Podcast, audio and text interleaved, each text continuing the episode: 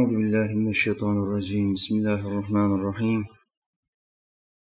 الحمد لله رب العالمين والصلاة والسلام على رسولنا محمد وعلى آله وصحبه أجمعين. اللهم إنك عفو كريم تحب العفو فاعف عنا. لا إله إلا أنت سبحانك إني كنت من الظالمين. ربنا آمنا بما أنزلت واتبعنا الرسول. Ekrimna ma'aşşahidin. Rabbena atina. Allah'ım bize ver. Fid dünya haseneten. Dünyada iyilikler ver. Ve fil ahireti haseneten. Ahirette de iyilikler ver. Ve qina azaben nar. Bizi ateşin azabından koru. Amin. Rabbena ufirli. Allah'ım beni affet. Ve li valideyye. Anamı babamı affet. Velil müminine. Bütün müminleri affet. Yevme yekumul hesab o dehşetli hesap gününde. Amin. Rabbi e'udhu bike min hemedati şeyatin. Allah'ım şeytanların dürtmelerinden sana sığınırım. Ve e'udhu bike Rabbi en yahzurun. Onların yanımda hazır bulunmalarından da sana sığınırım. Rabbi şrahli, Allah'ım göğsüme genişlik ver. Ve yessirli emri, işimi bana kolay kıl.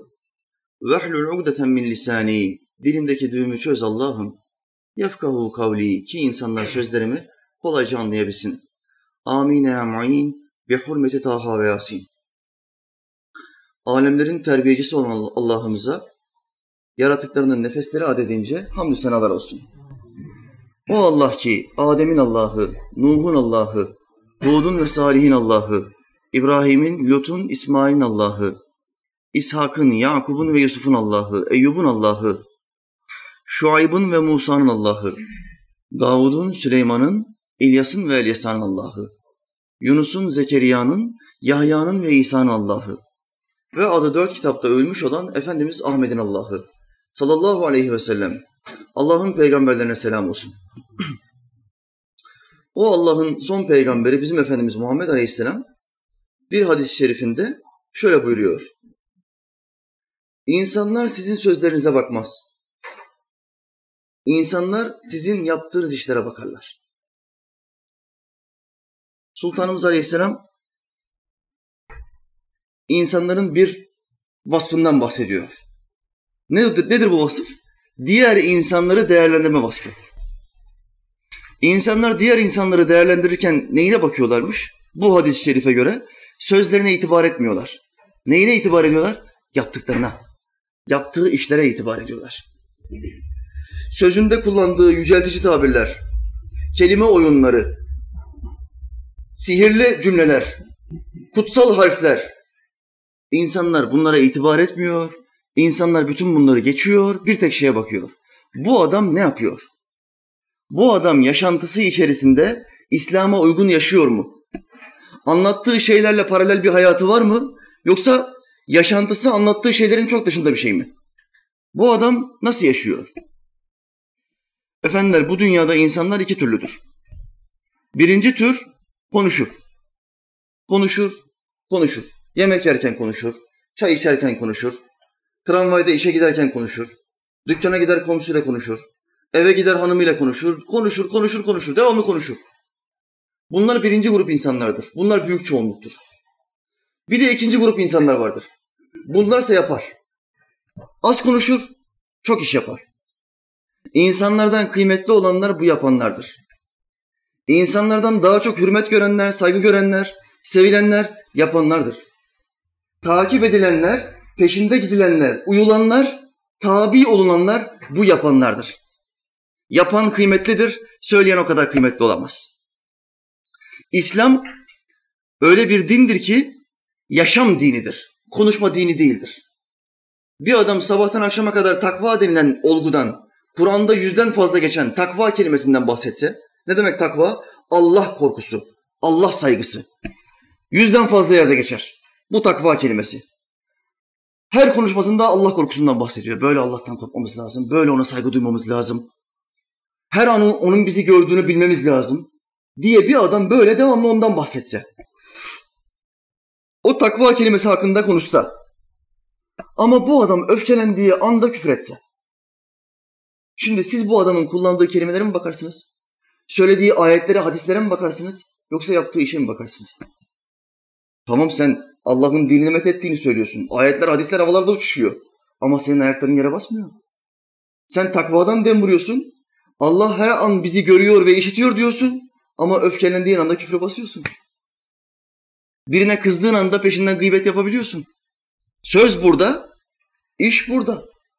Aynesi iştir kişinin lafa bakılmaz. Senin aynan işindir. Bu ayna pislik gösteriyor. Senin dilinden çıkan süslü kelimeler beni aldatamaz kardeşim. Der misin demez misin? Dersin. İşte bizim kitabımız Kur'an bir yaşam kitabıdır. Bir hareket kitabıdır. Bir okunma kitabı değildir. Oku oku oku yaşama kitabı değildir. Bu böyle bir kitap değildir. Bu kitap yaşanmak için, tatbik edilmek için indirilmiştir. Bu kitabı tatbik etmeyenler ateşe giderler. Kitap onu ateşten kurtaramaz. Hadis-i şerifte teyit edeyim. Allah'ın peygamberi şöyle buyurdu. Kur'an okuyan nice kimseler vardır ki okudukları Kur'an o kişilere lanet okur. Ben hem Kur'an okuyacağım, bu bir ibadet. Hem de okuduğum Kur'an bana lanet edecek. Neden bana Kur'an lanet ediyor? Kur'an'ın hükümlerini yaşamadığın zaman okuduğun Kur'an sana lanet eder. Şu halde bu hadis-i şerife göre bu Kur'an hükümleriyle amel etmemiz için bize indirilmiştir. Bu amel olmadığı zaman bizim bir kıymetimiz, bir ehemmiyetimiz olmaz Allah indinde. Bir kıymetin olmadığı zaman da değersiz bir odun parçası gibi ateşe atılırsın. Kıymetlenmemiz lazım.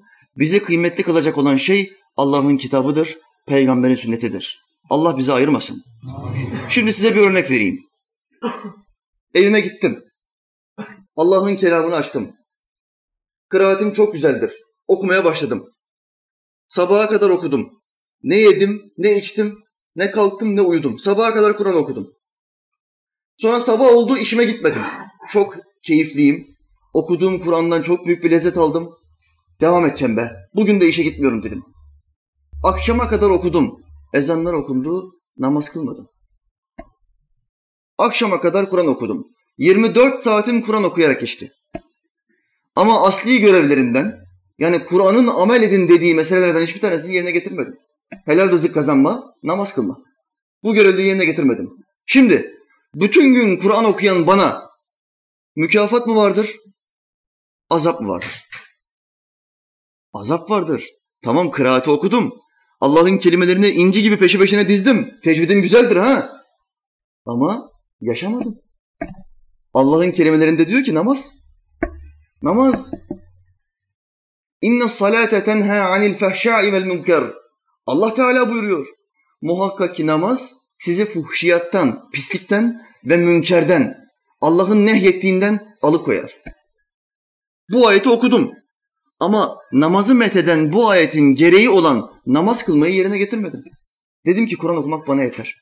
Şimdi sorum şu. Allah benden razı olur mu? Razı olmaz mı? Allah beni sever mi yoksa bana buğz mu eder? Allah bana buğz eder. Neden? Bu Kur'an okuma kitabı değildir, yaşama kitabıdır. Okumak yaşamaktan sonradır. Tilavet yapmak çok büyük ibadet. Efendimiz Aleyhisselam Kur'an'ın her harfine on sevap vardır buyuruyor. Abdesti olarak okursak elli sevap vardır diyor. Her harfine. Büyük ibadet.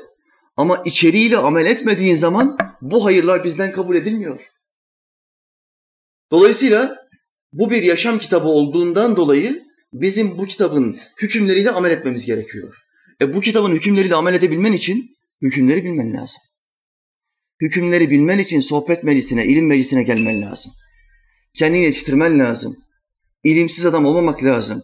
Çünkü cahilleri şeytanın kandırması çok kolay olur. Ama ilim ehlini kandırması zordur. İlim ehli adam silahlı adam gibidir. Karanlık bir yolda gider. Onun için pek fazla bir şey korku olmaz. Neden? Belinde silah var. Tinerci kesecek yolunu bıçak çıkartacak. Bu adam ilim ehli tak silah çıkartacak. Tinerci elindeki silahlı adama ne yapabilir ki? İlim böyle bir şeydir. İlim kurşundur, ilim silahtır. Bu ilmi elde edebilmek için Efendimiz Aleyhisselam'ın ilim halkalarında bulunmak lazım gelir. Bu halkalar bize nasıl yaşamamız gerektiğini öğretir. Kur'an'ın nasıl bir hayat kitabı olduğunu, Allah'ın bu kitapta, bozulmamış olan bu, kitap, bu kitapta bizden neler istediğini bize öğretir. Biz de ona göre yaşarız. Ona göre yaşadığımız zaman Allah bizi sever. Kur'an'da istiğfar ayetleri vardır. Allah istiğfar eden kulu çok sever diyor ayet-i kerimede. Ben de bu ayeti Kur'an'ı çok okuyan birisi olarak devamlı okusam. Ama gün içinde bir kere bile tövbe istiğfar etmesem. Hiç. Namaz kılıyorum, işe gidiyorum, eve geliyorum ama aklımdan Allah'a istiğfar etmek yani gün içinde bilmeden yaptığım günahlara tövbe etmek hiç geçmiyor. Şeytan beni perdelemiş. Böyle insanlar çoktur. Aylar boyunca hiç Allah'a tövbe etmemiş, kendini kınamamış, nefsini kınamamış insan çoktur etrafımızda. Bunlara bir tekerleğin içine girmiş fare denir. Bilim adamları fareyi tekerleğin içine koyar, ilacı verir, ondan sonra bakar. Bu ilaca bu fare ne kadar tepki veriyor? Bu tekerlekte ne kadar dönmeye devam edecek? 20 dakika mı, 40 dakika mı, 2 saat mi? Bu fare bir kobaydır, bir deney faresidir. Şeytan da bazı insanlara ilaç verir ve onu bir tekerleğin içine koyar. Gözlerini perdeler. Günler geçer, haftalar geçer ama okul tövbe etmeyi unutmuştur. Okulun tabi bulunduğu peygamber şöyle buyurur. Ben Allah'a günde 70 defa tövbe ederim. Dikkat buyurun. Bu kimse Allah'ın geçmiş ve gelecek bütün günahlarını affettiği kimsedir. Masumdur, ismet sıfatına haizdir. Günah işlemez. Ama o peygamber diyor ki ben günde 70 defa tövbe ederim.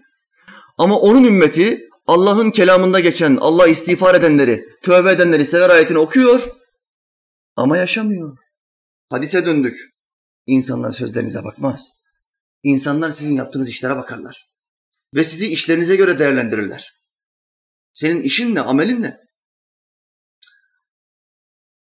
Kur'an'da içkiyi yasaklayan ayetler vardır.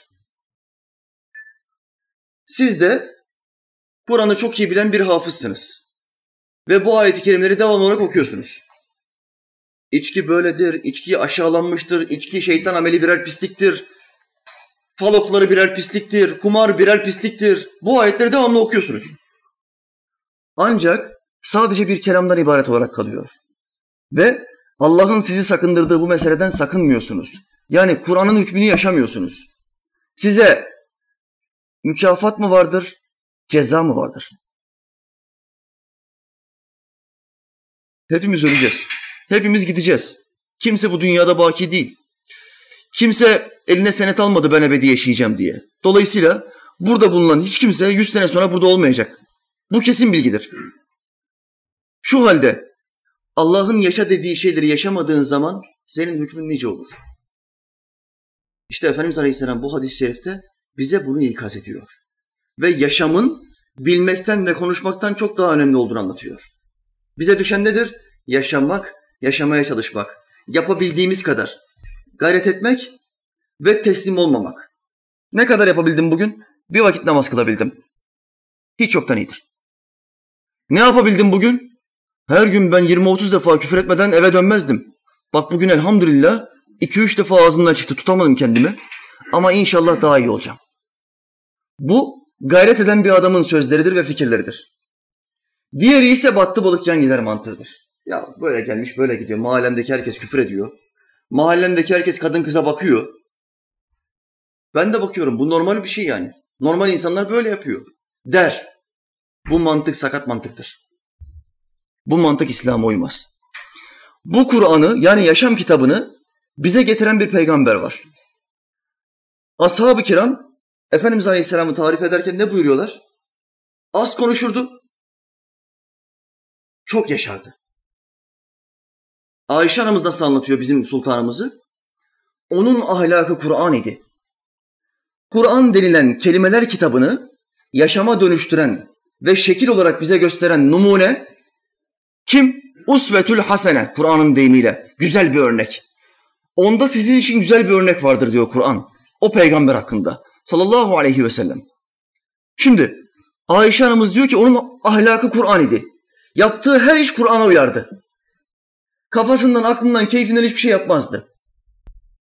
Sahabe de onu şöyle tarif ediyor. Az konuşurdu. Konuşurken kelimeleri bastıra bastıra söylerdi. İnci gibi kelimeleri peşi peşine dizerdi. Hızlı konuşmazdı. Çok anlaşılabilirdi.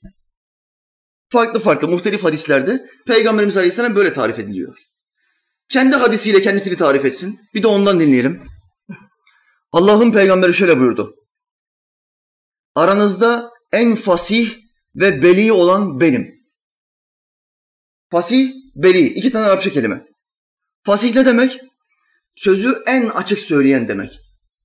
En açık. En anlaşılabilir. Beli ne demek? Tebliğ eden demek.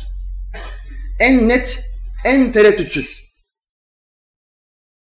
Karşınıza bir adam size gelse ve bir mal alışverişi yapmak istese, kardeşim senden 500 tane çanta almak istiyorum dese, bir çek yazacağım dese. Ama sizden bu malı almak isterken kurduğu cümlelerde tereddüt hasıl olsa, sesinde titremeler hasıl olsa, sesi bir gitse bir gelse, dalgalansa ve sizde bazı şüpheler uyansa, bu adama bu çek karşılığında, bir yaprak karşılığında 500, 500 çantayı verir misiniz? Vermezsiniz. Şüphe uyandı çünkü. Adam net konuşmuyor, açık konuşmuyor. Kardeşim dükkanının telefon numarası? Yok. Ben dükkanın telefonu kullanmam. E dükkanın nerede? E, adres vermek istemiyorum. Allah Allah. Sen kime bağlısın? Şeyhimi söylemek istemiyorum. Diyen sapık tarikat dervişleri gibi. İnsan üstadını bağlı olduğu şeyi söyleyemez mi? Sen neden utanıyorsun ki? Demek ki şeyhin sapık. Demek ki şeyhin tacizci. Demek ki şeyhin ehli sünnet dışı. Ben peygamberim diyen bir adam. Sen bir şeyden utanıyorsun. Bu adam da böyle. Senin dükkanın nerede kardeşim? Ya söylemek istemiyorum. Böyle cahilce iş olur mu? Bu tereddüt demektir. Bu şüphe demektir. Sözleriyle halleri uyuşmuyor. Uyuşmadığı zaman Müslümanın kalbine şüphe geliyor. Şüphe Allah Teala'nın bizim kalbimize vermiş olduğu gerekli olan bir duygudur. Şüphe duymayan bir adam tehlikede demektir. Kendisini aldatmak isteyen, kendisini kandırmak isteyen, kendisini İslam dışı bazı yollara sevk etmek isteyen adamlar karşısında Müslüman şüphe duymak zorundadır. Şüphe olmadığı zaman aldatılır, çok kolay bir şekilde kandırılır. Bundan dolayı biz Efendimiz Aleyhisselam'ı çok açık ve net konuştuğu için, çok anlaşılabilir olduğu için çok seviyoruz. Ve bunlardan daha önemlisi anlattığını yaşadığı için çok seviyoruz. Neden milyarlarca insana tesir etti bu peygamber? Hocam şu anda bir buçuk milyar. Niye milyarlar? Çoğul kullanıyorsun. Ya kardeşim 1400 senedir yüz binlerce insan geldi geçti. Yap hesabını. 1400 sene geçti. Milyarlar demektir bu. Bu nasıl bir meczup ki? Müsteşriklerin kelimesiyle söyleyeyim. Bizim peygamberimize meczup derler. Okuma yazma bilmeyen bir Arap bedevisi, bir çöl bedevisi. Allah bu yalancıların burnunu yerde sürtsün. Amin. Okuma yazma bilmeyen bir cahilin peşinde nasıl bu kadar kalabalık gidiyor? Sen profesör adamsın. 50 tane kitap yazmışsın. Senin peşinde 10 tane adam yok. Bu sorunun cevabını kendine sor. O ise okuma yazma bilmeyen bir peygamber ama okuma yazma bilmeyen olmasına rağmen, hayatında bir tek şiir yazmamış olmasına rağmen, hayatında bir tek mektup yazmamış olmasına rağmen bir kitapla bize geliyor. Kimsenin kuramadığı bazı cümlelerle bize geliyor. Ve diyor ki bu cümleler Allah'tandır. Hadi yaz. Yalanla itham ediyorsun. Yalancı olduğunu söylüyorsun. Sen de yaz bir tane kopyada görelim. Bu peygamberin en büyük özelliği şudur. Bize getirdiği her şeyi yaşayan bir peygamberdir. Yaşadığı için bize örnek olmuştur. İşte bizim taklit noktamız, bizim taklit ettiğimiz zat bu zattır. Allah Teala her halimizde ona benzemeyi bize nasip etsin. Amin. Amin. Bismillahirrahmanirrahim.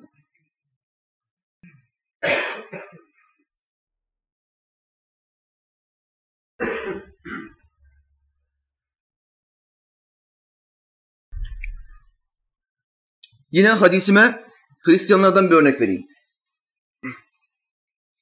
Şimdi tarif olmuş dinlerden bir tanesi nedir? Hristiyanlık. İyi de deniyor. Şimdiki diyalog grubu tarafından iyi diye yumuşatılmaya çalışıyor. Bize yaklaştırılmaya çalışılıyor. Bir Hristiyan düşünün. Pazar günü kiliseye gidiyor. Günah çıkarma kabinine giriyor. Affet beni peder ben günah işledim diyor. Cümleler böyle başlar. Kabinde bir papaz, arada bir perde, yan tarafta da günah işlemiş olan kişi. Papaz günahsız, bu günahkar. Şimdi günahkar olan pedere diyor ki affet beni peder. Ben günah işledim. Cümle böyle başlıyor. Bu şirktir. Ne demek bu? Sende de affetme etkisi var demek. Sen beni affedersen Tanrı da beni affeder diyor. Haşa ve kella. Peder diyor ki ne yaptın evladım say. Evladım sen benim sürümsün. Bu da sayıyor. Üç defa zina ettim. Altı defa bara gittim, içki içtim. Birisiyle kavga ettim, küfür ettim. Bunları yaptım. Hmm diyor. 20 dolara gökteki babamız, babamız için, 20 dolar da yerdeki oğlu İsa için. 40 dolar kiliseye bağışla diyor. Senin günahlarını Tanrı'nın bana vermiş olduğu yetkiyle affettim. Şu andaki Hristiyanların, şu andaki kilisenin yani Vatikan'ın dünyaya dağıttığı papazların günahları affetme şekli budur. Hristiyanlık böyle bir inanıştır. Bozulmasının alametlerinin en büyük delili nedir? Ben seni affettim. Tanrı'nın bana verdiği yetkiyle. Bu bir yalandır. Bu Allah'a atılmış bir iftiradır. Neden hocam? Çünkü o Allah, onların Tanrı dediği zat, hiçbir peygambere 124 bin peygamber göndermiştir. Başka bir hadiste 224 bin tabiri geçer. 124 bin peygamberin 313'ü Rasuldür.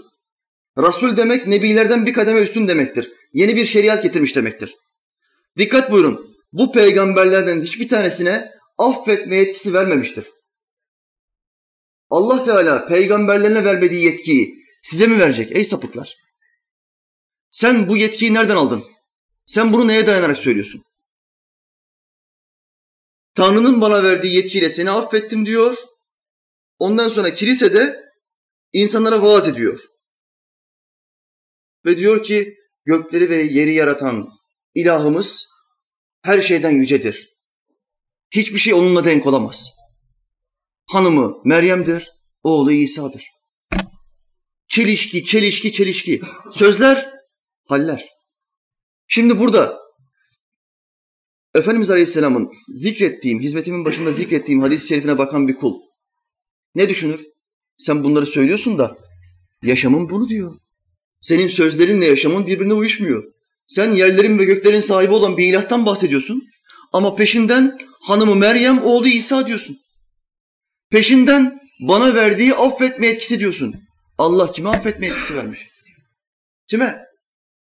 Bu bir sapıklıktır. Bu bir şirk düzenidir. Bu şirk düzeninden dolayı Allah Teala Kur'an'da Yahudi ve Hristiyanlara kafirler diye hitap etmiştir. Kafirler diye hitap etmiştir. Bunların durumu çok fenadır. Çok kötüdür. İslam tarihinden bir örnek vereyim. Papazlardan örnek verdik. İslam tarihinden evvelki Hristiyanlık tarihinden bir örnek. Bir de İslam tarihinden bir örnek vereyim. Kimden verelim? Üçüncü halifemiz. Efendimiz Aleyhisselam'ın haya ettiği adam. Allah ondan razı olsun. Hazreti Osman. Bu mübarek sahabi cennetle müjdelenen on sahabiden bir tanesidir. Aşeri-i mübeşşere vardır Efendimizin Aleyhisselam'ın hadislerinde.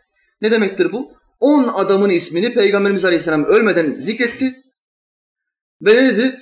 Bunlar cennetliktir. Bunlar cennettedir. Bir peygamber herhangi bir kul hakkında seni cennette gördüm derse bu paçayı kurtarmış demektir. Cennettedir. Örnek vereyim. Hazreti Rumeysa diye bir kadın sahabi vardır. Hazreti Talha'nın hanımı. Efendimiz Aleyhisselam bir sabah kalkıyor Rumeysa'yı ziyarete gidiyor. Ne diyor ona? Ya Rumeysa seni gece rüyamda gördüm. Cennette çok güzel bir köşkte oturuyordum. Hazreti Rümeysa ağlamaya başlıyor. Bu rüyanın manası nedir? Peygamberlerin rüyası vahiy olduğuna göre gelecekten bir haber almış demektir. Hazreti Rümeysa paçayı kurtardı mı? Kurtardı. Bize böyle bir haber gelseydi biz ne yapardık? Bu zayıf kullar. Nasıl paçayı kurtardık? Namaz niyaz hak getire. Ne zekat veririm, ne oruç tutarım, ne namaz kılarım. Çünkü vahiy geldi. Peygamber dediyse sen paçayı kurtardın, kurtardık. Ama biz bu aşere-i mübeşşereye baktığımız zaman, biz bu on sahabeye baktığımız zaman tam aksine çalışmalarının arttığını görüyoruz. Biz nasıl cennetle müjdelendik, yan gelip yatalım demiyorlar, kamçılanmış oluyorlar. Bu müjdeleme onlara bir kamçı olmuş oluyor. Ve çalışmaları, gayretleri artıyor. Normalden daha fazla çalışıyorlar. Bu Hazreti Osman denilen zat çok konuştuğu için mi cennetle müjdelendi? Çok şey yaptığı için mi cennetle müjdelendi? Bak o müjdelenme olayını anlatayım. Hazreti Ali radıyallahu anh ev, evlenecek. Efendimiz Aleyhisselam'ın kızı Fatıma ile. E, Hazreti Ali'nin hiçbir şeyi yok, fakir. Peygamberimiz Aleyhisselam ne buyuruyor? Ya Ali bu benim zırhımı al. Nikah kıyacağım ama misafirlerimize bir şeyler ikram etmen lazım. Bu nikahın sünnetlerindendir. Sen al bu zırhı git sat. Parasıyla bal şerbeti yap. Bal al, suyla karıştır, şerbet yap. Gelen insanlara bari yemek veremesek bile en azından bal şerbeti vermiş oluruz. Hazreti Ali Peygamberimiz Aleyhisselam'ın zırhını alıyor, gidiyor pazara satmaya. Pazarda bir Yahudi satın almak istiyor, normal fiyatının düşüğüne. Hazreti Ali vermiyor. Pazarda Hazreti Osman'a rast geliyor. Hazreti Osman diyor ki ne kadar istersin bu zırha? Biliyor ki peygamberimizin zırhı. 40 dinar isterim diyor. Arap para birimidir dinar. Hazreti Ali diyor ki tamam benim istediğim rakam bu. 40 dinar. Hazreti Osman diyor ki tamam al diyor 40 dinarı. Veriyor dinarları. Hazreti Osman zırha alıyor, eviriyor, çeviriyor. Diyor ki ya Ali şimdi biz ticaret yaptık değil mi? Evet yaptık. Bu zırh şimdi benim mi diyor. Evet senin diyor. Ey kardeşim. O zaman diyor ben bu zırhı sana hediye ettim. Allah senden razı olsun. Allah senin şefaatine bizi nail etsin. Amin. Amin. Rabbim cennette görüşmeyi, kavuşmayı, ellerini öpmeyi nasip etsin. Amin. Amin. Ben bu zırhı sana hediye ettim diyor. Hazreti Ali gidiyor Efendimiz Aleyhisselam'ın yanına. Ey Allah'ın Resulü böyleyken böyle diyor. Peygamberimiz Aleyhisselam ne buyuruyor? Osman benim cennet arkadaşımdır. Paçayı kurtardı. Yaptığı bu fiilden dolayı Osman paçayı kurtarıyor. İnsanlar sizin sözlerinize bakmaz.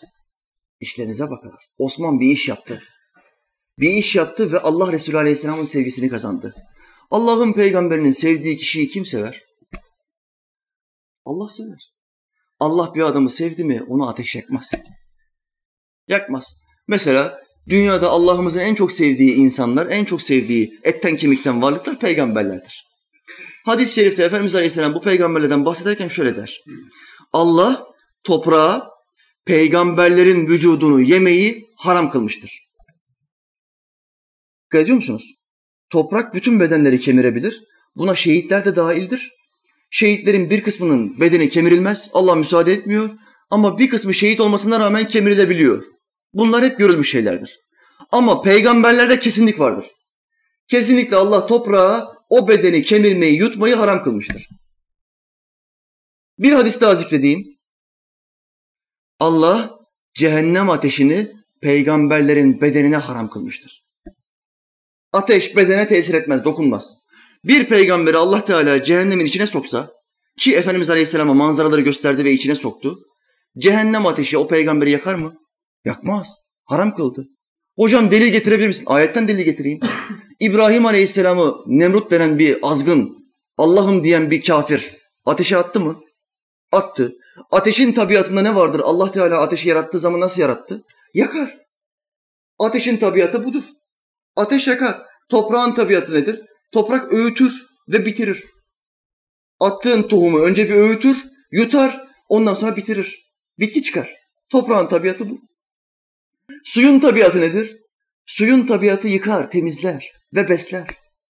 Ateşin tabiatı yakmaktır, yıkmaktır, yok etmektir. Ama etten kemikten olan bir insan ateşin içine düştü. Allah adetini, sünnetini oradan kaldırdı ve ateşe dedi ki serin ol. Sana emrediyorum İbrahim'i yakma. Çünkü ben İbrahim'e Allah'ın selamı onun üstüne olsun. Cebrail'i yolladım. Allah'ın selamı onun üstüne olsun. Cebrail dedi ki benden ne istersin? Seni buradan kurtarabilirim. İstersen sana yardım edeyim. Mancınıkla havada bir saniye içinde oluyor bu konuşmalar. İbrahim Aleyhisselam ne buyuruyor? Ben senden ne isteyeyim? Senin Rabbin benim dostum. Ben isteyeceğim ondan isterim. Deyince Allah Teala ateşe yani son sebebe emir buyuruyor. Şimdi Cebrail de bir sebeptir İbrahim'i kurtarma noktasında. Ama sebeplerin hepsini terk ediyor. Direkt olarak müsebbibe yapışıyor. Allah'a tevekkül ediyor. Allah Teala ne yapıyor? Son sebebe yani ateşe azap yerine emir veriyor. İbrahim'e serin ol. Yine o Allah toprağa emir veriyor. Şimdi insan yüksekçe bir yerden düştüğü zaman kemikten ettendir. Muhakkak kemikleri kırılmak zorundadır. kemiklerinin kırılmaması anormal bir şeydir. Ancak Allah Teala toprağa emir verirse olur.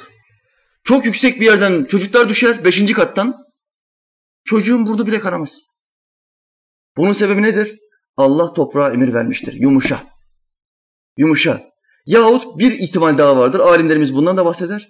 Allah meleklerine emir vermiştir. Çocuğun düşüşünü hafiflet. Bu kulumun düşüşünü hafiflet. Yaşanmış bir olaydan bahsedeyim. İki sene önce haberlerde gördüm. Bir uçak düşüyor. Norveç'e giden bir uçak. Uçakta 350 yolcu var. 349 yolcu ölüyor. Bir tek çocuk burnu kanamadan sağ çıkıyor. Hadi bana bunun mantıksal bir açıklamasını yapın. Matematiksel bir açıklamasını yapın. Matematiksel bir açıklama. Yapamazsın. Ancak Allah'ın izin verdikleri ölür. Ancak Allah'ın izin vermedikleri yaşar. Uçak seyahati, düşmek, motorun patlaması, ölüm bunların hepsi birer sebeptir. Allah'ın izni olmadıkça sebeplerin hiçbir tanesi işlemez. İşlemez. Yine haberlerde gördüm. Adamın biri 25 kurşun yedi. 25 kurşun. Ve adam ölmedi. Hocam ya 25 kurşun. Ramı mı bu ya? 25 kurşun. Allah öl demezse ölmez. Uçaktan düşüp ölmeyen adam gibi. Allah müsaade etmemiş, ömür vermiş. Yine başka bir internet sayfasında okudum. Adam yolda yürüyorken muz kabuğuna basıyor, basıyor. Kaldırma kafayı vuruyor. Kurşun murşun yok. Darbe yok. Muz kabuğuna basıyor, basıyor. Hafif bir sekme oluyor. Düşüyor kaldırma yan tarafı vuruyor. Beyin sarsıntısı, beyin kanaması üç dakikada gidiyor. Allah öl emrini verdi. Allah Azrail'e emaneti al emrini verdi. Bunların tamamı birer sebeptir. Biz kulların bu sebeplere iyi yapışması lazım, iyi idrak etmesi lazım ama sebeplere yapışmışken müsebbibi unutmamamız lazım. Allah'ım bütün bu sebeplerin sahibi sensin. Beni şaşıranlardan etme. Beni sebebi ilah edilenlerden etme diye bol bol dua etmemiz lazım. Bismillah.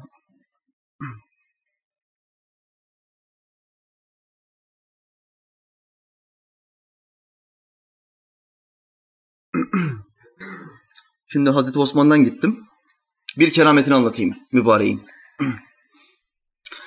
Mübarek bir yerde sohbet yaparken halifeliği döneminde bir genç geliyor. Genç meclisten içeriye geliyor ve oturuyor. Hazreti Osman sohbeti kesiyor ve gence bakıyor şöyle diyor. Senin gözünde zina izi görüyorum. Zina izi ne demek? Bir adam bir kadına baktığı zaman yolda geçen bir kadına bir harama baktığı zaman haram işlemiş demektir. Bu tarafa yazılır. Ama bunda bir iz ortaya çıkmaz. Yaptığımız her günahta alnımızın tam ortasında bir şey yazsaydı. Bu günahkardır. Az önce içki içti yazsaydı insanlar günahlardan çok korkardı. Ama Allah Teala gizledi. Günahlarımızı örttü ve bizim tövbe etmemize bıraktı. Tövbe edersek sileceğini vaat etti. Düşünsenize. Günah işlediniz ve direkt olarak bedeninizin bazı yerlerinde işlediğiniz günah yazılıyor. Az önce bu adam içki içti. Az önce bu adam bankadan faiz aldı. Burada yazıyor. Yahut da alnında görünüyor. O hadislerde geçen Deccal'ın alnında kafir yazısının görünmesi gibi. Hâzâ kefara. Bu kafirdir. Buna tabi olmayın. Bu yazı gibi alnımızda bir yazı beliriyor. Ve diyor ki bu az önce bir kadınla zina etti. Bu bizim için bir felaket olur. Felaket. Allah Teala bu olayı bize mahşer günü yaşatacak. Mahşer günü burada Müslümanların hatalarını, kusurlarını, yanlışlarını, kötü durumlarını açanların kusurlarını mahşer günü bir LCD ekran eşliğinde bütün insanlara gösterecek. Ve o kulu insanlara rezil edecek.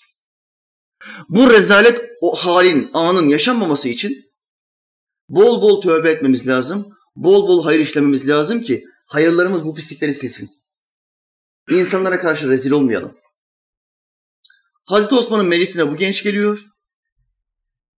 Genç meclise gelirken yolda bir kadın görüyor. Kadının cazibesine kapılıyor. Erkektir, şehveti kadından daha fazladır. Gözleri takılı veriyor. Ve bakmaya devam ediyor. İlk bakış helaldir ama bakışını hemen çevirmen gerekiyor İslam'a göre. Ama genç takılıyor. Takıldığın zaman her saniye haram yazar. Fakat bunu kimse görmemiş. Bir tek Allah ve melekleri biliyor. Allah Teala Hazreti Osman'ın kalbine bir ilham veriyor. İlham dediğimiz şey nedir? Meleklerin okulun kalbine bir fısıldaması. Vahiy başka bir şeydir, ilham başka bir şeydir. Vahiy kapısı kapanmıştır. En son peygamberle beraber bu kapı kapanmıştır. Bugün kim derse ki bana vahiy geliyor kafirdir. Çünkü bana vahiy geliyor demek ben peygamberim demektir. Bu Allah'ı ve Resulünü yalanlamak demektir. Ancak ilham kapısı Muhammed Aleyhisselam'ın ümmetine kıyamete kadar açıktır. Allah bizim kalbimize de versin. Amin. Hazreti Osman da Peygamberimiz Aleyhisselam'ın en yakın dostlarından ve dava arkadaşlarından olduğu için Allah Teala kalbine böyle bir ilham veriyor. Ve gence diyor ki senin gözünde zina izi görüyorum. Şimdi o genç şöyle, dese, ben Allah'tan korkarım. Ben bakmam, yabancı kadına bakmam dese, bu süslü kelimeler, bu itikadi kelimeler, dindar olduğunu beyan eden kelimeler bu genci bu işten kurtarır mı? Kurtarmaz, iş ortada. İş ortada. E insanlar sözlerinize bakmaz, işlere bakar. Sen bu kadına bakmışsın kardeşim. Gözlerin kirlenmiş. Gözlerin kirlenmiş. Allah Teala bizi korusun kardeşim. Amin. Çünkü çıplaklık şu anda çok büyük bir moda. Kadınlar bağıra bağıra birbirlerine hava atıyor. Bugün evden işe gidinceye kadar bana kaç tane erkek bakacak? Bana kaç tanesi laf atacak? Diye birbirleri arasında bir yarışa girişmişler. İşe gidiyorlar kıkı kıkı konuşuyorlar.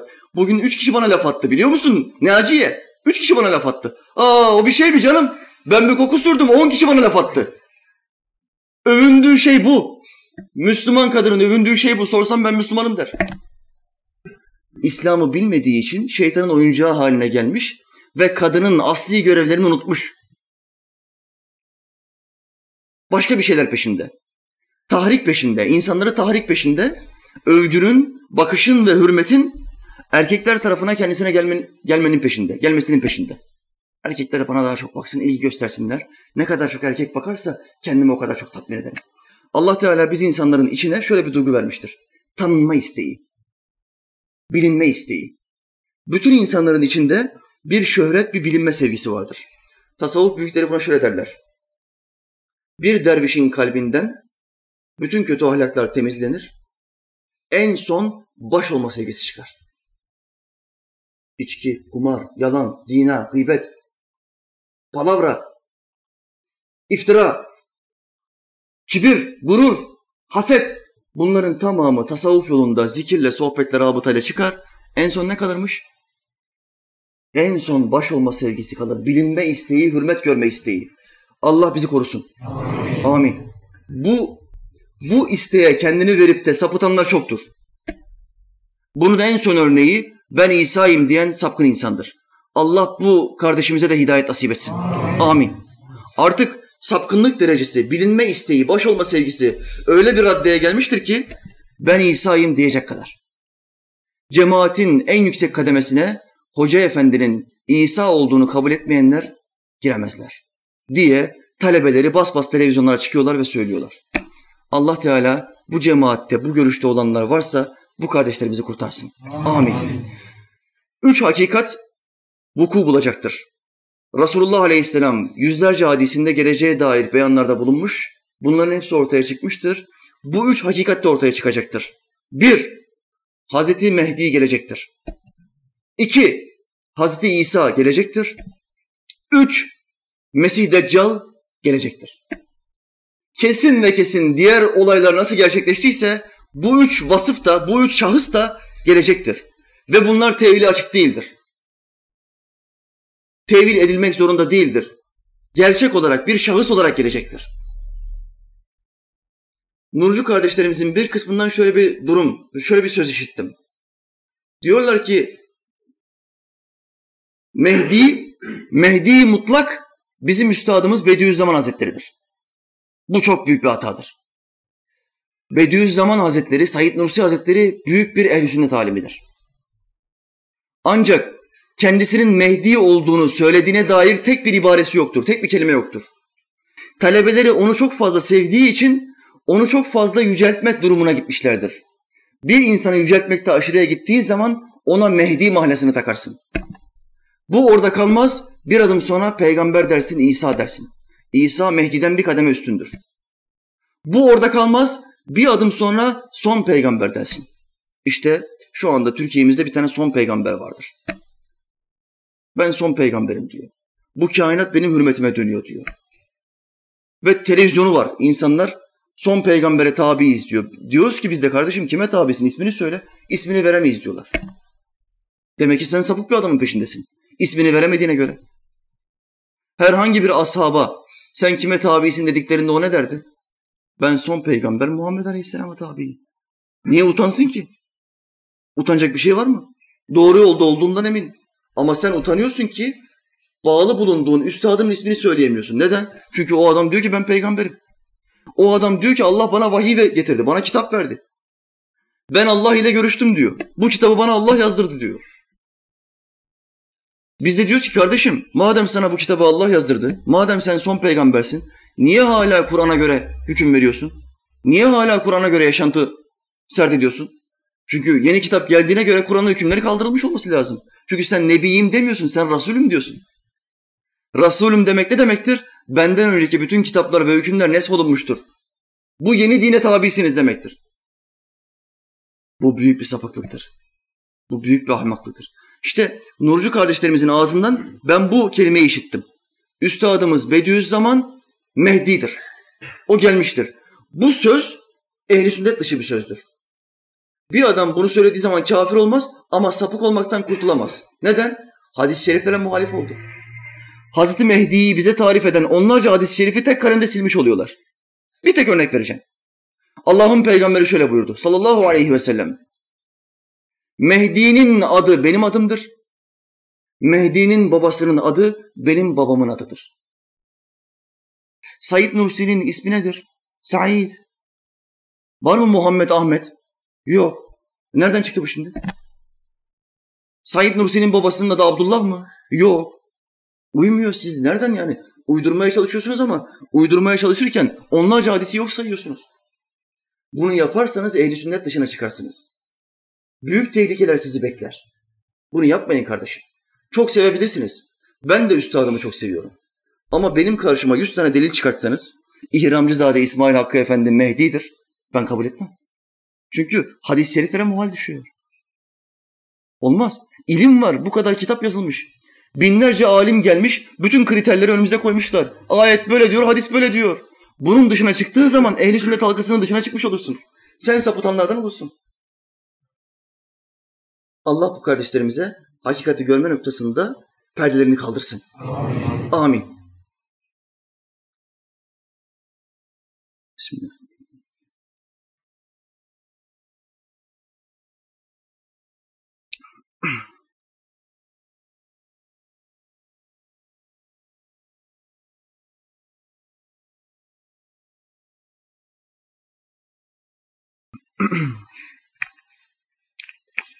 Yine konuma Osmanlı tarihinden bir örnekle devam edeyim. Ceddimiz Osmanlı'nın padişahlarından bir tanesi kimdi? Yıldırım Beyazıt Han. Bu padişah bir Hristiyan prensesiyle evlendi. Prenses dinini değiştirmedi, Hristiyan olarak kaldı. İslam'a göre bir Müslüman, bir Hristiyan ya da Yahudi kadınla evlenebilir mi? Evlenebilir. Dinini değiştirmek zorunda mı? Değil ama evliliği mekruh olur. Yani hoş olmaz.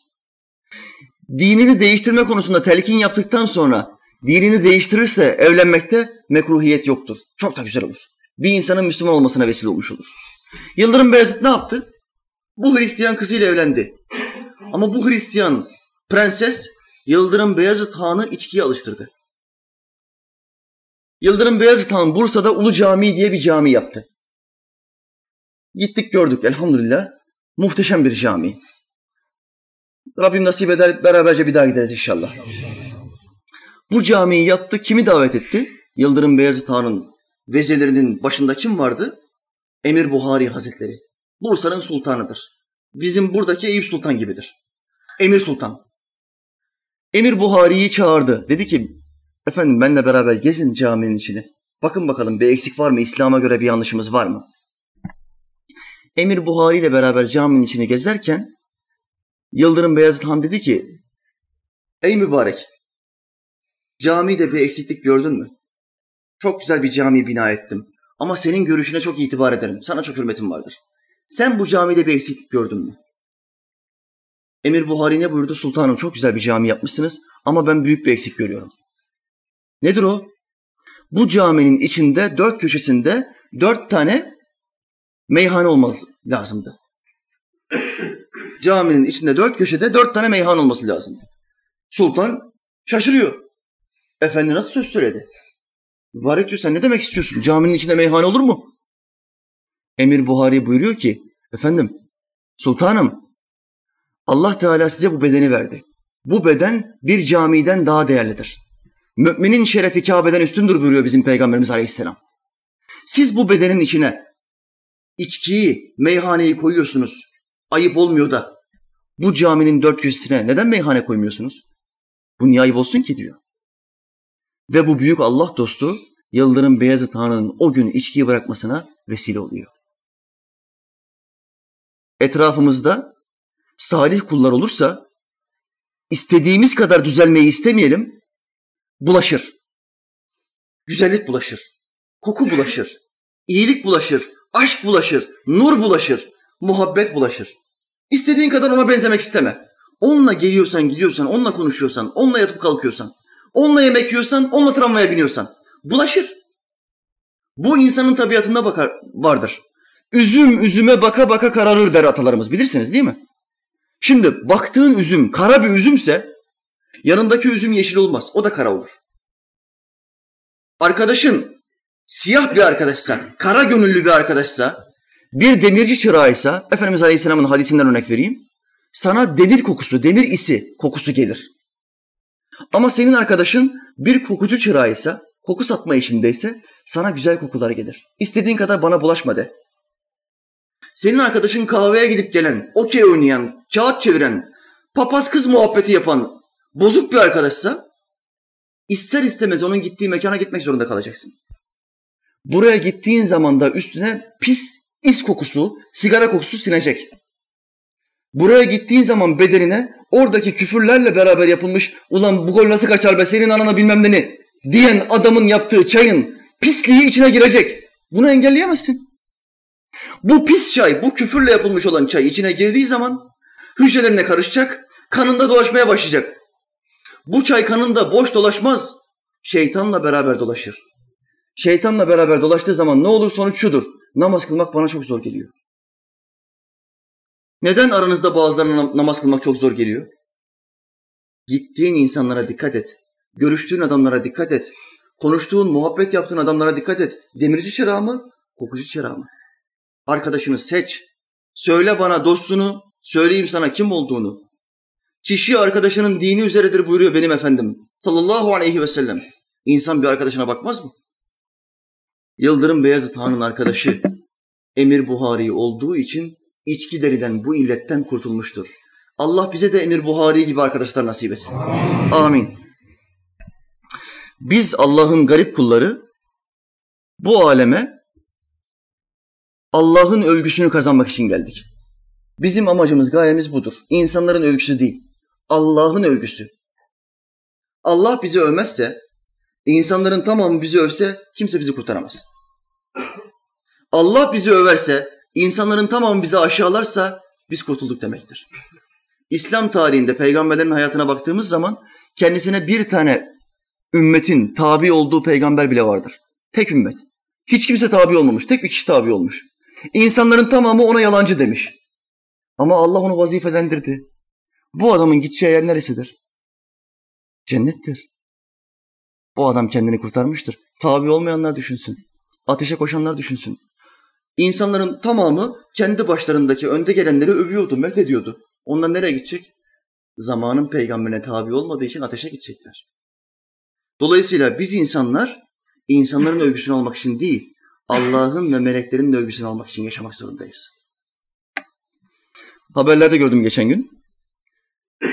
Modaymış. Bak Allah'ın övgüsünü almak için koşturursan moda seni takip eder. Üç numara saç, üç numara sakal modaymış son iki senedir. Ben burada on senedir dervişlerine de tavsiye ediyorum. Saçlar üç numara, sakallar üç numara. Sade olun, gösterişsiz olun. Yüzük, küpe, müpe, bilmem koku moku, kolye molye takmayın. Sade olun. Bizim Peygamberimiz Aleyhisselam sadeydi. Sadeydi. Böyle yapın diye biz size hep tavsiyelerde bulunuyoruz. Meğer modaymış. Bak bizi takip ediyorlar görüyorsunuz değil mi? Sen Allah'ın dinine uyarsan insanlar sana uyar. İnsanlar seni över. Ama senin amacın burada insanların hürmetini, övgüsünü kazanmak olmasın. Bak insanların hürmetini, övgüsünü kazanma niyetindekiler Müslümanların övgüsünü aldı yetmedi, Hristiyanların da övgüsünü istediler. Ve karşımıza neyi çıkarttılar? Yahudi, Hristiyan da bizim kardeşimizdir. Onlar da cennete girecek. Sapıklığını çıkarttılar. Neden böyle bir şey yaptı? Daha çok insanın övgüsünü istedi. Bu kadar Müslüman bizim iyi olduğumuzu söylüyor bana yetmez. Dünyadaki bütün insanlar, Hristiyanlar, Yahudiler de beni övsün. Ben çok övülmek istiyorum. Yahu sen ilah değilsin be kardeşim ya. Sen insansın, kulsun. Tuvalete gitmek zorunda olan bir adamsın sen. Burnu akmak zorunda olan bir adamsın. Sen nezle olacaksın. Sen ilah değilsin ki. Hristiyan seni övse ne olur, övmese ne olur. Sen Allah'ın övgüsüne talip ol. Seni bu kurtarır.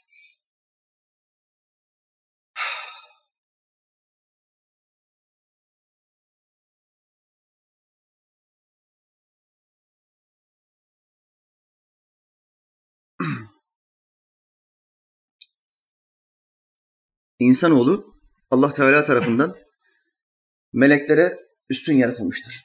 Hocam melek mi üstün, biz mi üstünüz? Kişiye göre değişir. Şimdi sen Allah'ın hükümleriyle yaşayan bir adam olursan melekten üstün olursun. Neden? Melekte nefis yok. Ama sen Allah'ın hükümlerinin paralelinde gitmeyen bir adamsan hayvandan daha aşağı olursun. Neden? Hayvanda emre itaat duygusu var. Bütün hayvanlar şu anda yeryüzünde Allah'ın verdiği emre göre hareket ediyorlar. Ama şu anda yeryüzünde Allah'ın verdiği emre göre hareket etmeyen insan çoktur. Şu halde bu insanların tamamı hayvandan aşağı mı değil mi? Kur'an demiyor mu? Bellhum adal. Onlar hayvandan da aşağıdır. Onlar hayvandan da aşağıdır. Kimden bahsediyor Allah Teala bu ayette? İnsanlardan bahsediyor. İnsan nasıl hayvandan aşağı olur hocam? Hayvanın aklı yok. İnsanda akıl var. İnsan iş çeviriyor. İnsanda potansiyel var. Nasıl hayvandan aşağı oluyor? Buradaki aşağı olma meselesini belirleyen kriter şudur. Allah'ın emrini yerine getiriyor mu, getirmiyor mu? Getirmiyorsa bu adam hayvandan aşağı demektir. Ama getiriyorsa Allah Teala ona öyle bir mertebe veriyor ki ala ya'illiyin yücelerin gücesi. Eşrefi mahlukat, mahlukatın en şereflisi. Bu mahlukatın içinde melek de var mı yok mu? Var. İşte o insan melekten de üstün oluyor. Melekten de. Neden üstün oluyor? Mücadele sahibi çünkü. Melekte nefis yok, mücadelesi yok. Allah ne emir veriyorsa yerine getirmek zorunda. Ama insan mücadele sahibidir. Bir, nefis. iki şeytan. Üç, bu ikisinden daha kuvvetli olan kötü arkadaş. Üç tane olumsuz durumla mücadele etmek zorunda. Bizi kıymetli kılan şey bu mücadelemizdir. Bu mücadele olmadıktan sonra kıymetlenemezsin. O zaman çürük sağ belli olmaz. O zaman Ebu Bekir'le Ebu Cehil'in farkı belli olmaz. İkisi de aynı olur. Bu mücadeleyi Ebu Bekir Sıddık yaptı. Allah'ın peygamberinin en yakın dostu oldu. Kur'an'daki ikiden ikincisi oldu. Bu mücadeleyi Ebu Cehil yapmadı, keyfine göre gitti.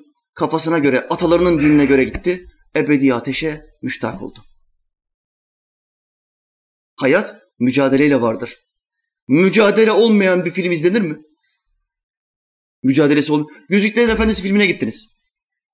Aa Yüzüklerin Efendisi çıkmış ya. Dur bakayım gidelim bu hafta nasılmış film. Bunların sahneleri falan çok gerçekçi oluyor. Bir gidelim bakalım. Gittin. Filmde herkes birbirine çiçekler dağıtıyor, yemekler dağıtıyor. Ork'la troll yan yana oturuyor, konuşuyor.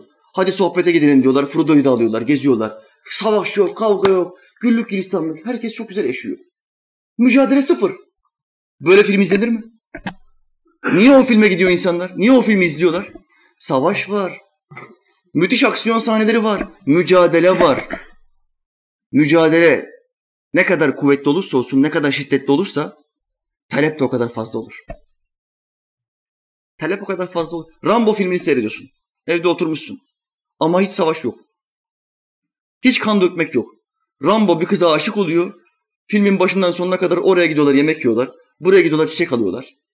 Oraya gidiyorlar acaba nişanlansak mı diyorlar. Öbür taraf hadi bir dini nikah kıyalım diyorlar. Bu film izlenir mi? Mücadele olmayan film izlenmez. Mücadele olmayan hayat seni cennete götürmez. Ey Müslüman! Allah rızası için, Allah'ın dini için mücadele et. Bu mücadeleyi yaparsan kurtulursun. konumuzla alakalı olan Mevlana'mızın bir sözünü de zikredelim. Hem kapatalım inşallah. Mübarek şöyle buyuruyor. Öğüt verecek insana değil, örnek olacak insana ihtiyaç var. Öğüt veren çok. Herkes sallıyor.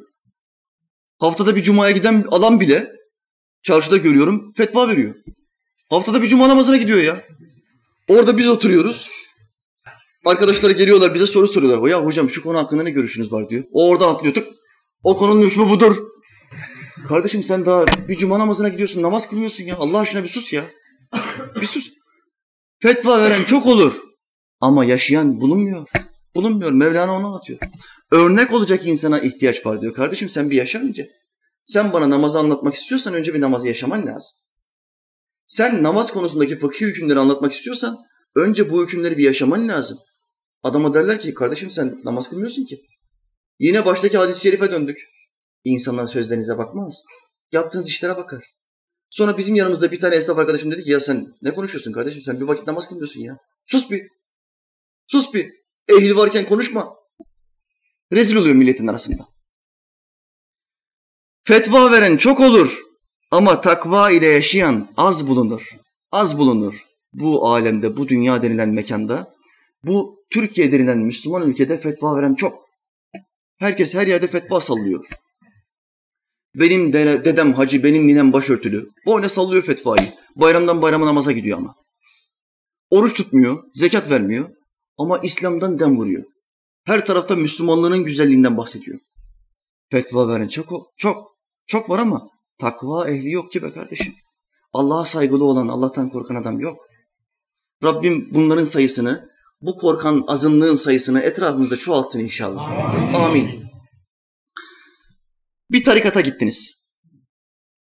Gittiğiniz yolun doğru bir yol mu, sapkın bir olduğunu, yol olduğunu, yol mu olduğunu anlamak için bir kriter vereyim. Bir tarikata gittiniz, bir tasavvuf mekanı. Tasavvuf mekanı hem zahiri ilimler veriyor, hem batini ilimler veriyor. Zahiri ilim vermezse sapıtmak çok kolay olur. Zahiri ilimler çizgisinde, ehl sünnet çizgisinde giderse sapıtma olmaz. Gittiğiniz tarikattaki dervişler size şöyle dedi. Kardeşim, bizim şeyhimiz öyle bir şeyhtir ki hata yapmaz. Dedi hizmetimin ortalarında zikrettiğim o yüceltmeyi bunlarda da gördünüz. Şeyhlerini o kadar çok seviyorlar ki kurmaması gereken cümleleri kuruyorlar. Buna sapıklık denir. Dal ve mudil denir bu adama. Sapık ve saptırmaya çalışıyor. Neden? Efendiler, hata yapmayan insan var mıdır yeryüzünde? Bütün insansa, etten kemiktense, akıl ve kalp ve ruh verilmişse o adama muhakkak hata yapar. Peygamberler de buna dahildir. Ehl-i sünnet itikat kitaplarında bir madde vardır. Peygamberler de hata işler ama Allah hatalarını düzeltir. Dikkat buyurun. Peygamberler hata işler miymiş? İşler. Peki peygamberler günah işler diyebilir miyiz hocam? Diyemezsin. Çünkü beş vasfından bir tanesi ismettir. Günah işlemekten masum. Tam günah işleme durumu gelse bile Allah onu korur. Mesela Efendimiz Aleyhisselam'ın akrabaları Peygamberimiz Aleyhisselam'a peygamberlik gelmeden önceki 40 yıllık dönemi anlatıyorlar. Hiç içki içmedi. Hiç zina etmedi. Çok zengindi ailesi. Böyle bir zenginliğe rağmen hiç iç, içki içmedi. Hiç zina etmedi. Hiç küfür etmedi. Hiç puta tapmadı. Halbuki peygamber değil. Hala kendisine görev tevdi edilmemiş. Nasıl oluyor bu? Allah koruyor. Bütün peygamberler doğuştan itibaren masumdurlar.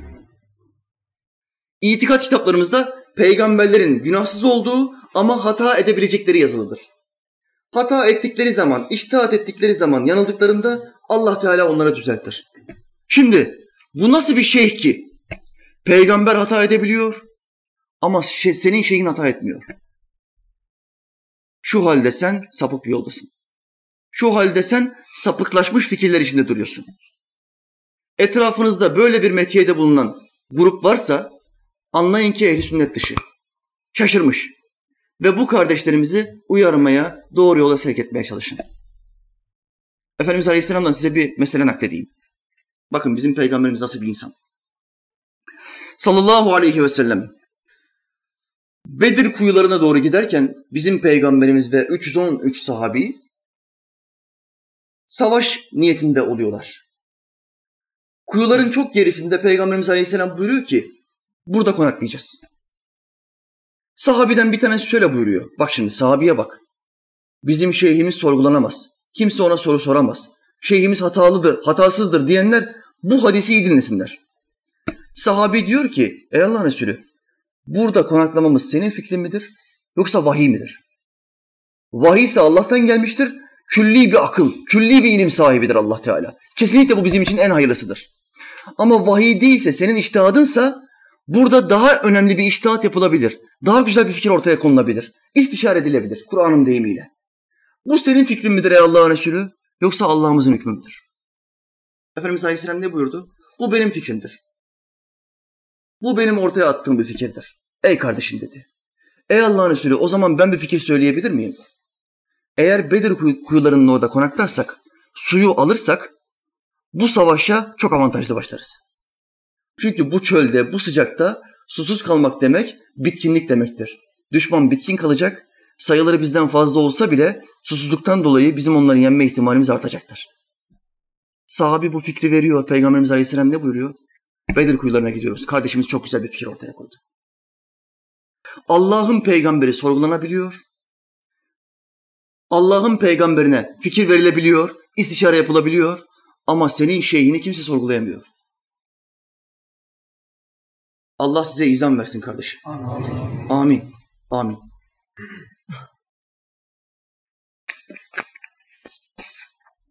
Yine ülkemizdeki biliyorsunuz ben bu diyalogçu kardeşlerimin kurtulması için çok büyük faaliyetler içindeyim. Onlar hakkında çok konuşuyorum. Allah'ıma şükürler olsun birçoğunun sapkın görüşlerden kurtulmasına vesile oldum. Rabbim inşallah daha çoğuna ulaşmayı nasip etsin. Çok hayır dualar aldım kardeşler. Çok hayır dualar aldım. Özellikle kurtulanlardan değil, kurtulanların ailelerinden çok hayır dualar aldım. Rabbim bu duaları artırsın. Amin.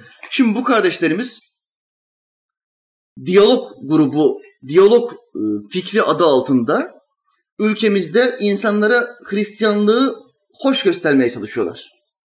Son dönemde bütün ehli sünnet cemaatler bu diyalog grubunun üstüne büyük bir savaş açtığı için, bunların sapıklıklarını ortaya koydukları için bunlar ne yaptılar şimdi? Bir kitap yazmışlar ve bir yarışma düzenlemişler. Yarışma. Yarışma ne?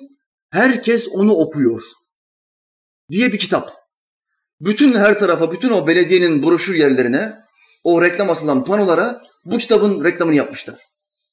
Ve bu kitabı dağıtıyorlar çok düşük bir fiyata yahut bazı yerlerde ucuz, e, bedavaya dağıtıyorlar. Sözüm ona bir yarışma yapıyorlar. Ve bu kitapta Efendimiz Aleyhisselam'ın hayatını anlatıyorlar. Bu üç dört kitaptır. Bu kitaplardan bir tanesinden cımbızla çektim bir noktayı. İyi niyetli gibi görünüyor, iyi şeyler söylüyor ama halleri iyi şeyleri yansıtmıyor. Biz sizin halinize bakarız kardeşim. Biz hadis-i şerif biliyoruz. Söz, sözlerinize bakmayız. Sen neye sevk etmeye çalışıyorsun beni? Sen bu ülkede neyin kuvvetlenmesini istiyorsun? Ben senin bu haline bakıyorum. Ve senin bir sahtekar olduğunu görebili görebiliyorum elhamdülillah. Büyük resmi görebiliyorum. Şimdi bak. Kitap kalınca bir kitap. Kitap baştan sona kadar Efendimiz Aleyhisselam'a metiye düzüyor. Kitapta bir paragraf var. Paragrafı size okuyacağım. Bakalım ne anlayacaksınız. Kalbinize bir şeyler batmazsa siz de kandırılmışlardan olursunuz. Bu kitabı okusaydınız siz de buna inanırdınız demektir. Çok iyi dinleyin bu paragrafı. Peygamberimiz bundan başka kim bilir nice nimetler müşahede etmiş, ne iltifatlarla karşılanarak kendisine teşrifatçılık yapılmıştı. Yani övgüler yapılmıştı. Herhangi bir insanın böylesine bir lütfa mazhar olduktan sonra yine oradan ayrılarak sıkıntıların kucağına dönmesi imkansız gibiydi. Oradan dediğine miracı anlatıyor şimdi. Miracı çıkmış, o kadar lütuftan sonra cennet cehennem gösterilmiş. Orada kalabilirken tekrardan bu sıkıntılar evine yani dünyaya geri dönüyor diyor. Şimdi olaya geldik. Ancak onun hedefi öncelikle bütün insanları rahmet ve şefkatle kucaklayıp ümmeti arasında da kelime-i tevhidin ikinci yarısını söylemekten kaçınarak kendisini kabul etmese bile Allahu Ekber. Kendisini kabul etmese bile La ilahe illallah diyen herkesi buraya getirmekti. Çünkü o kim la ilahe illallah derse cennete girer buyuracaktı. Daha baştan o bunun için yaratılmış ve onun içinde ilk yaratıldığı halde gelişi sona denk getirilmiş. Peygamberlik güftesine kafiye koyacak son sultan olduğu için de bedeniyle ruhunun buluşması risalet açısından en sona bırakılmıştı. Süslü kelimeler, süslü kelimeler, süslemeler, üstüne yıldızlar dökmeler, üstüne biraz krem şanti dökmeler. Kandırma, kandırma, boyama, perdeleme, tak pastanın içine zehir koydu. Zehir ne? Bu kelimeyi bir adam bu kitabı okursa, aldım bu kitabı, baktın arkadaşın orada duruyor. Bizim millet de beleşi sever. Dur ya şu kitabı eve gideyim okuyayım. Peygamberinden bahsediyor. Kötü bir şey olmaz. Aldın o kitabı evde okuyorsun. Bu paragrafa geldin ve bu paragrafı okudun. Paragraftaki şu cümleyle beraber kendini kabul et, kendisini kabul etmese bile la ilahe illallah diyen herkesi buraya getirmekti. Bu cümleyi okudum. Ne diyor bu cümle? Muhammedun Resulullah demese bile dünyadaki insanlar sadece la ilahe illallah dese kurtulmuş demektir diyor. Sen bu cümleyi okudun ve sende şöyle bir kanaat hasıl oldu. Aa bak demek ki bak bu adam peygamberimizden bu kadar bahsetti. Demek ki peygamberimizin görevi sadece la ilahe illallah dedetmekmiş. O zaman Yahudi Hristiyan da bizim kardeşimiz. Ona da cennete girecek. Dedin. Bu kanaat sende hasıl oldu. İtikaden buna inandın ve dil ile bunu söyledin. Yahudi ve Hristiyan da cennete girecek dedin. Bu adamın itikat kitaplarımızda hükmü nedir? Kafirdir. İşi bitmiştir. On defa hacca gitti. Yarım metre sakal bıraktı. 20 metre sarığı var kafasında. Bu adam kafirdir. Ateşten kimse bunu kurtaramaz. Peygamberimiz Aleyhisselam kurtaramaz. 124 bin peygamber bunu kurtaramaz. Kafirlere kimse yardımcı olamaz. Neden? Allah Resulü Aleyhisselam'a tabi olmadıkça, Muhammedun Resulullah demedikçe kurtuluşa eremezsin. Ateşten seni kimse kurtaramaz. Ama burada kelime oyunlarıyla beraber sanki Peygamberimiz Aleyhisselam'ın tek görevinin insanlara, bütün ümmete La ilahe illallah dedirtmek olduğu anlatılmak isteniyor. Süslüce, süslüce, yumuşakça, yumuşakça zehir veriliyor.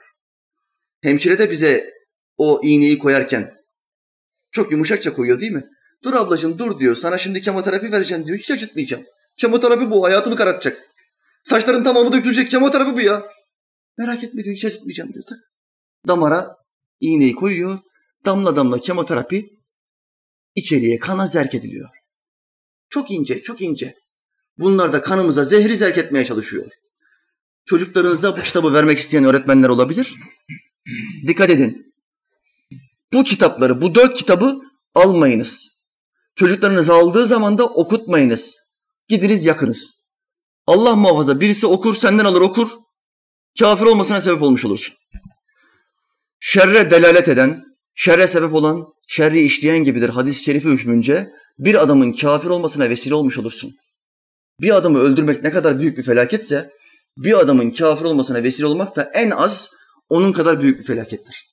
Şimdi bu zikredilen palavrayı ve iftirayı, bu Allah'ımızın peygamberimize tabi olmak zorunda olduğumuzu söylediği, Kur'an'da geçen yüz tane ayeti inkar eden tek kelimeyi burada birkaç ayet vadisiyle çürüteyim, hem bitirelim. İki saatte bitireceğim, söz veriyorum.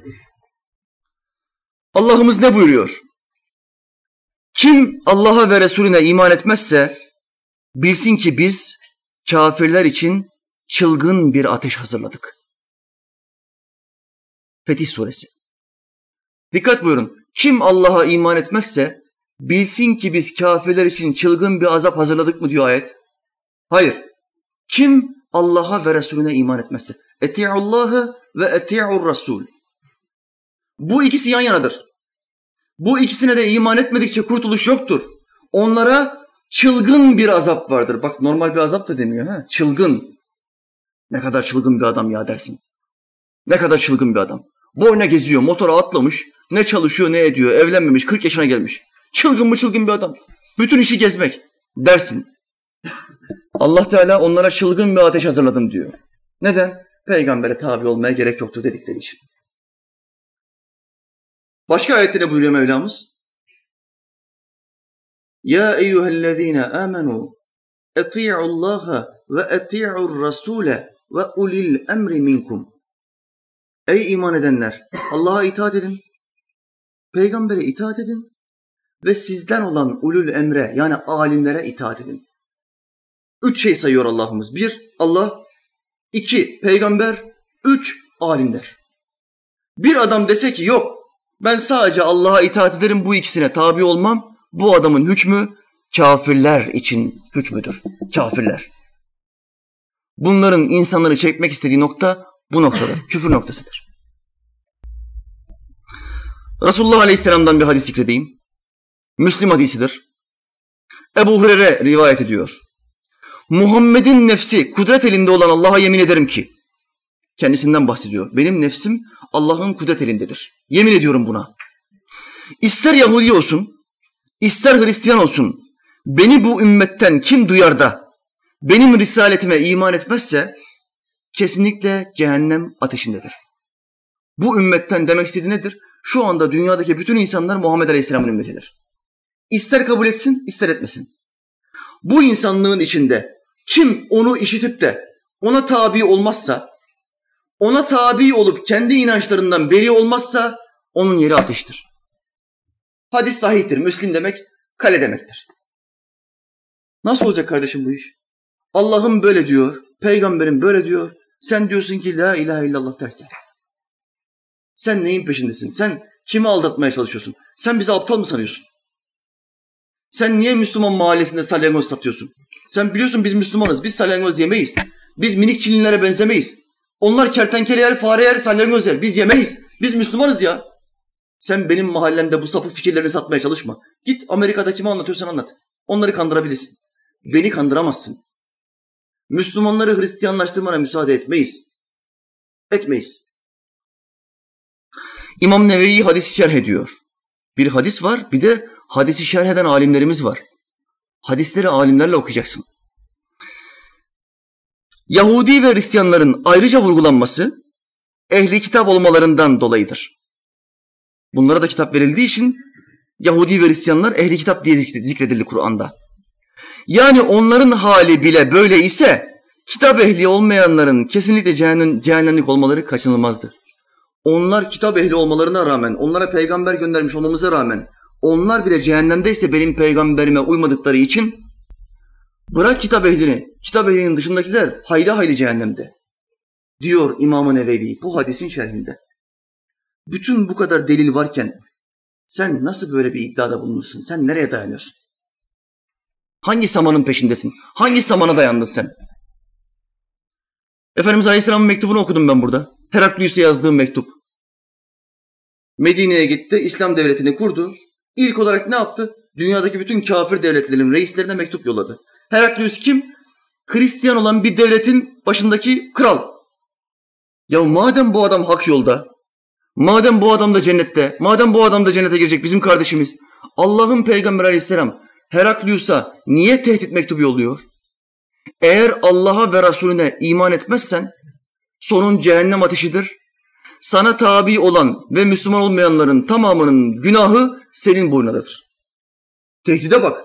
Hem sen ateşte olacaksın bana tabi olmadığın için hem de bütün teban ateşe girecek.